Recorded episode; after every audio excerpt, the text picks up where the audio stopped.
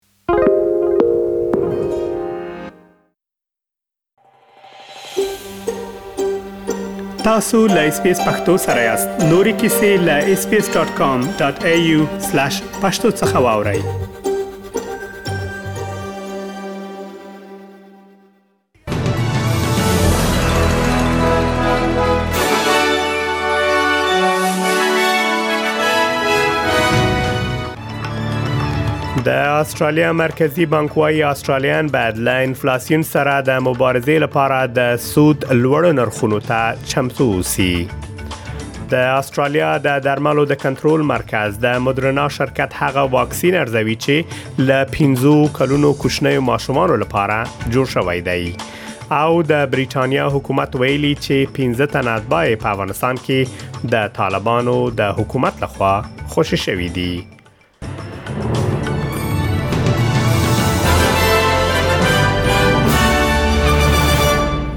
اوس هم پام وکړئ بشپړ خبرونه ته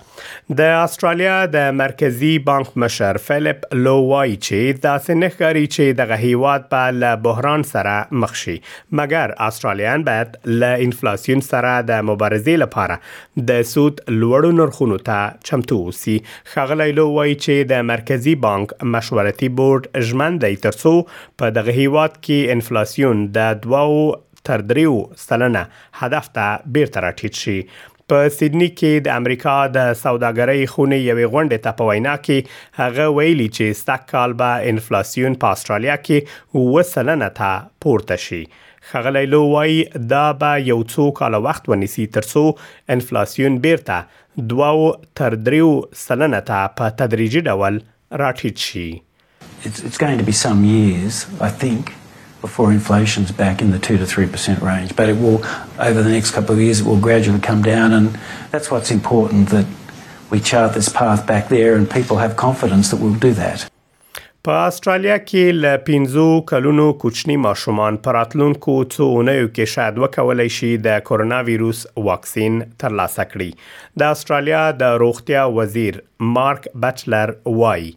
د دغه هیواد د درملو د کنټرول مرکز د مودرنا شرکت هغه واکسین ارزوي چې له 15 کلونو کوچنیو ماشومانو لپاره جوړ شوی دی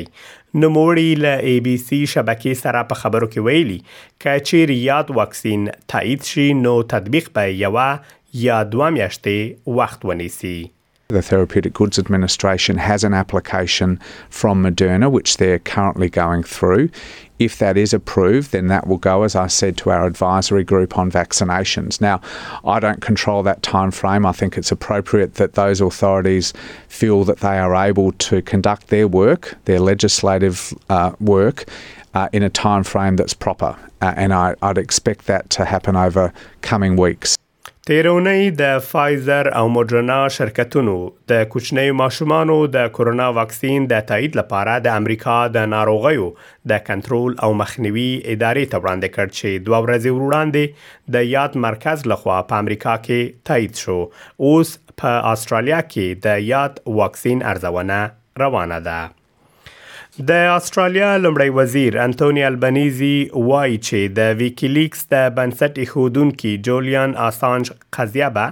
د مناسبو ډیپلوماټیکو چینلونو لارې حل کړي د بریټانیا د کورونی چارو وزیر پریتی پټیل پریکړه کړې ترڅو جولیان اسانج له انګلستان څخه امریکا ته واستوي د نوموړي د نوموړي میرمن وایي چې د خپل خاوند د خوندیتوب په اړه اندېښنه لري د خغلی اسانج حقوقي ټیم څوار لس ورځې وخت لري ترڅو په محکمې کې د دغه پریکړې ته د بیاکتنې غوښتنه وکړي خغلی البنيزي ویلي چې د تیر کال په خپل خبرو ولاړ دی مګر نه غواړي مګر نه غواړي مناسب پروتوکول مات کړي هغه وايي، ځینې خلک فکر کوي که چېرې په ټوېټر کې په غټو حروفو یو څه ولیکي او د حیرانتیا علامه ورسره اضافه کړي نو په دې سره یو څه مهمه کېږي، په دې سره نه کېږي. هغه وايي چې زه اراده لرم چې د یو داسې حکومت مشري وکړم چې په ډیپلوماټیکه او مناسبه توګه زموږ د شریکانو سره ښکېل وي. There are some people who think that if you put things in capital letters on Twitter and put an exclamation mark, then that somehow makes it more important. It doesn't. I intend to lead a government that engages uh, diplomatically and appropriately uh, with our partners.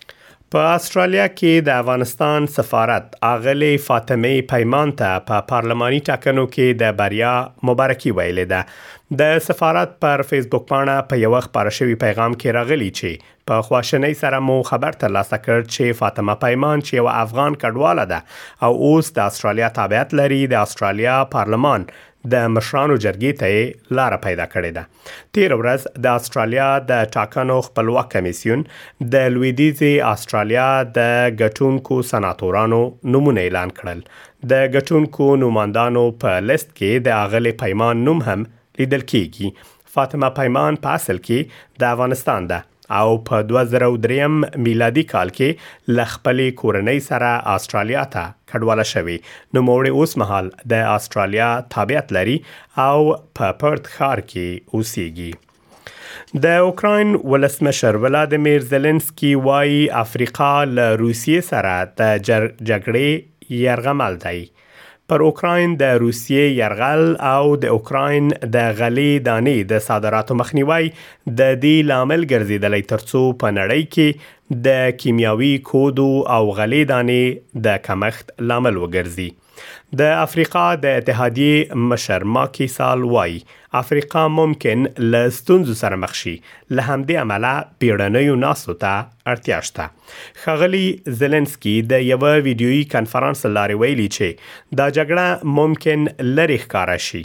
مګر دا یو نړیوال استراری حالت دی هغه وایي د روسیې د جګړې لامل د خوراکي توکو د بیو لوړوالی په ټولو برازمونو کې په دردناکه توګه احساس شوی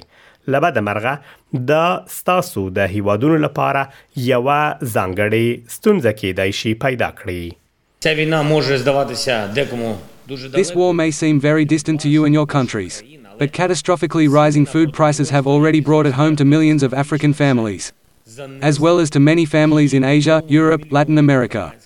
The unjust and provoked by the Russian war level of food prices is painfully felt on all continents.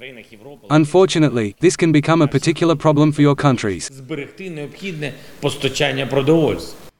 د بریټانیا حکومت ویلي چې 15 تنه ادبای په افغانستان کې د طالبانو د حکومت لخوا خوشې شوي دي د بریټانیا د بهرنیو چارو ټولګټو او پراختیا ادارې لخوا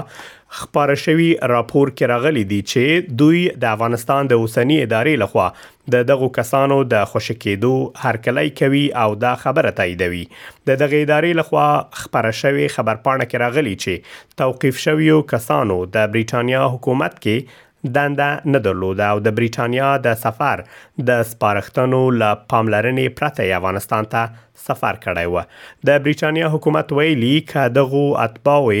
د افغانستان کوم دود دستور یا قانون مات کړی وي دوی یې په تړاو بخښنه غواړي معلومه نه ده چې دغه بریټانوي اتباع څه وخت چیرته او څه ډول توقیف شوي وه